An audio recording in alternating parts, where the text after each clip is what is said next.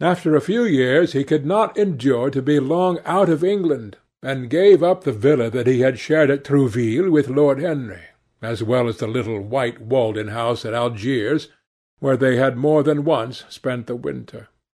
He hated to be separated from the picture that was such a part of his life, and was also afraid that during his absence some one might gain access to the room, in spite of the elaborate bars that he had caused to be placed upon the door. He was quite conscious that this would tell them nothing. It was true that the portrait still preserved, under all the foulness and ugliness of the face, its marked likeness to himself, but what could they learn from that? He would laugh at any one who tried to taunt him. He had not painted it. What was it to him how vile and full of shame it looked? Even if he told them, would they believe it? Yet he was afraid.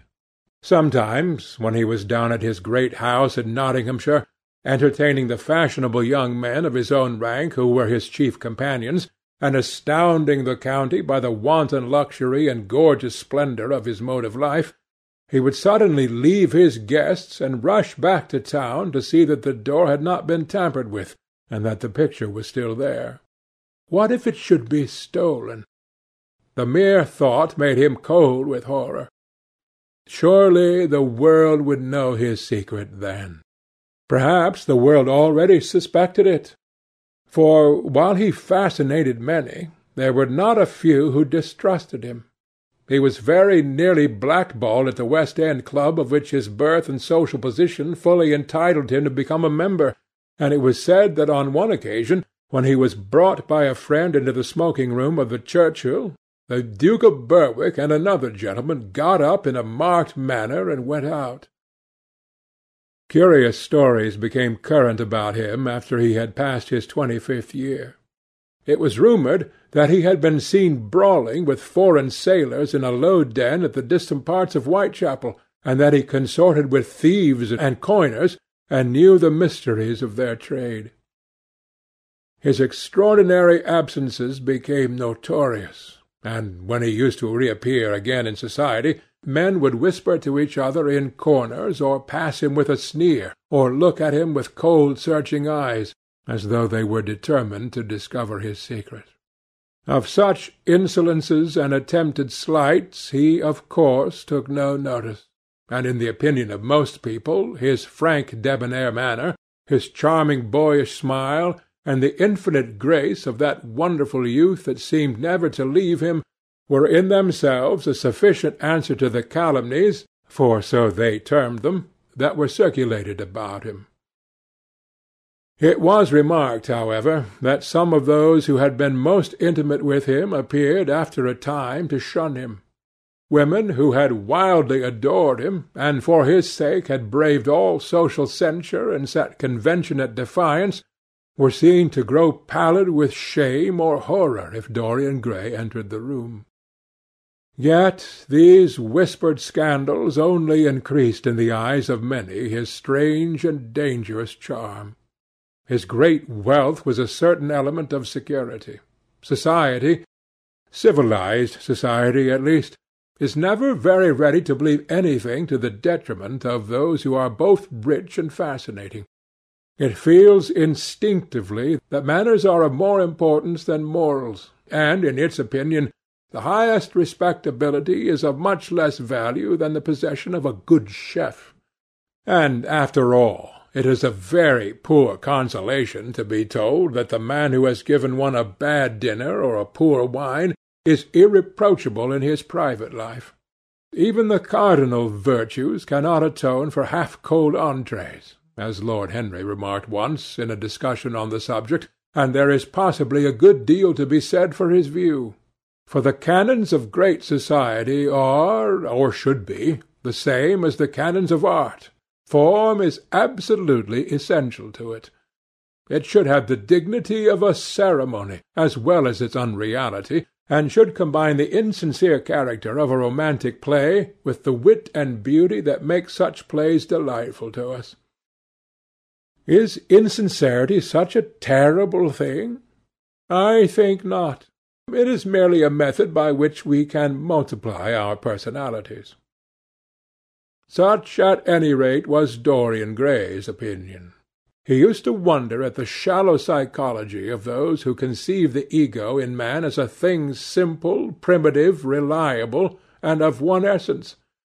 To him man was a being with myriad lives and myriad sensations, a complex multiform creature that bore within itself strange legacies of thought and passion, and whose very flesh was tainted with the monstrous maladies of the dead. He loved to stroll through the gaunt cold picture gallery of his country house, and look at the various portraits of those whose blood flowed in his veins. Here was Philip Herbert, described by Francis Osborne, in his Memories on the Reigns of Queen Elizabeth and King James, as one who was caressed by the court for his handsome face, which kept him not long company. Was it young Herbert's life that he sometimes led? Had some strange poisonous germ crept from body to body till it had reached his own? Was it some dim sense of that ruined grace that made him so suddenly, and almost without cause, give utterance, in Basil Hallward's studio, to the mad prayer that had so changed his life? Here, in gold-embroidered red doublets, jewelled surcoat, and gilt-edged ruff and wristbands, stood Sir Anthony Sherard, with his silver and black armour piled at his feet. What had this man's legacy been? Had the lover of Giovanna of Naples bequeathed him some inheritance of sin and shame? Were his own actions merely the dreams that the dead man had not dared to realize?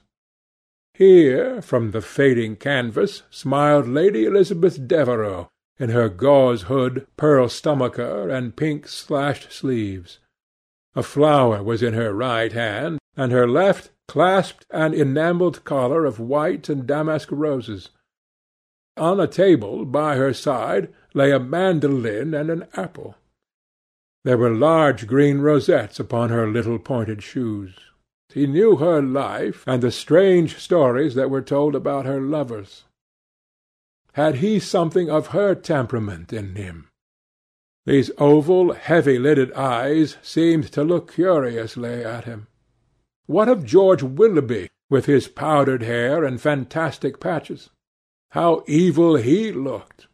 The face was saturnine and swarthy, and the sensual lips seemed to be twisted with disdain.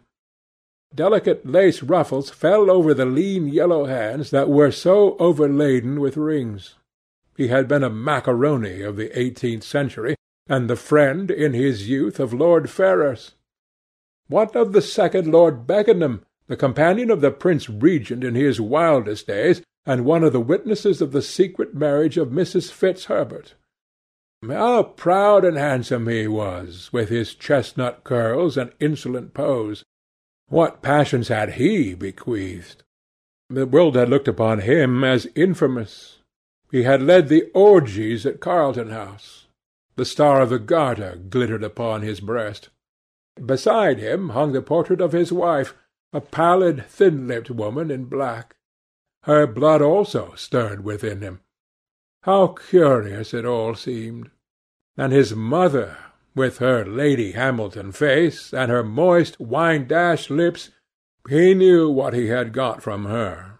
He had got from her his beauty, his passion for the beauty of others. She laughed at him in her loose bacchante dress. There were vine leaves in her hair.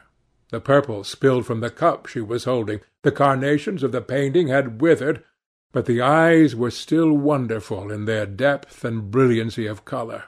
They seemed to follow him wherever he went. Yet one had ancestors in literature as well as one's own race nearer perhaps in type and temperament, many of them, and certainly with an influence of which one was more absolutely conscious.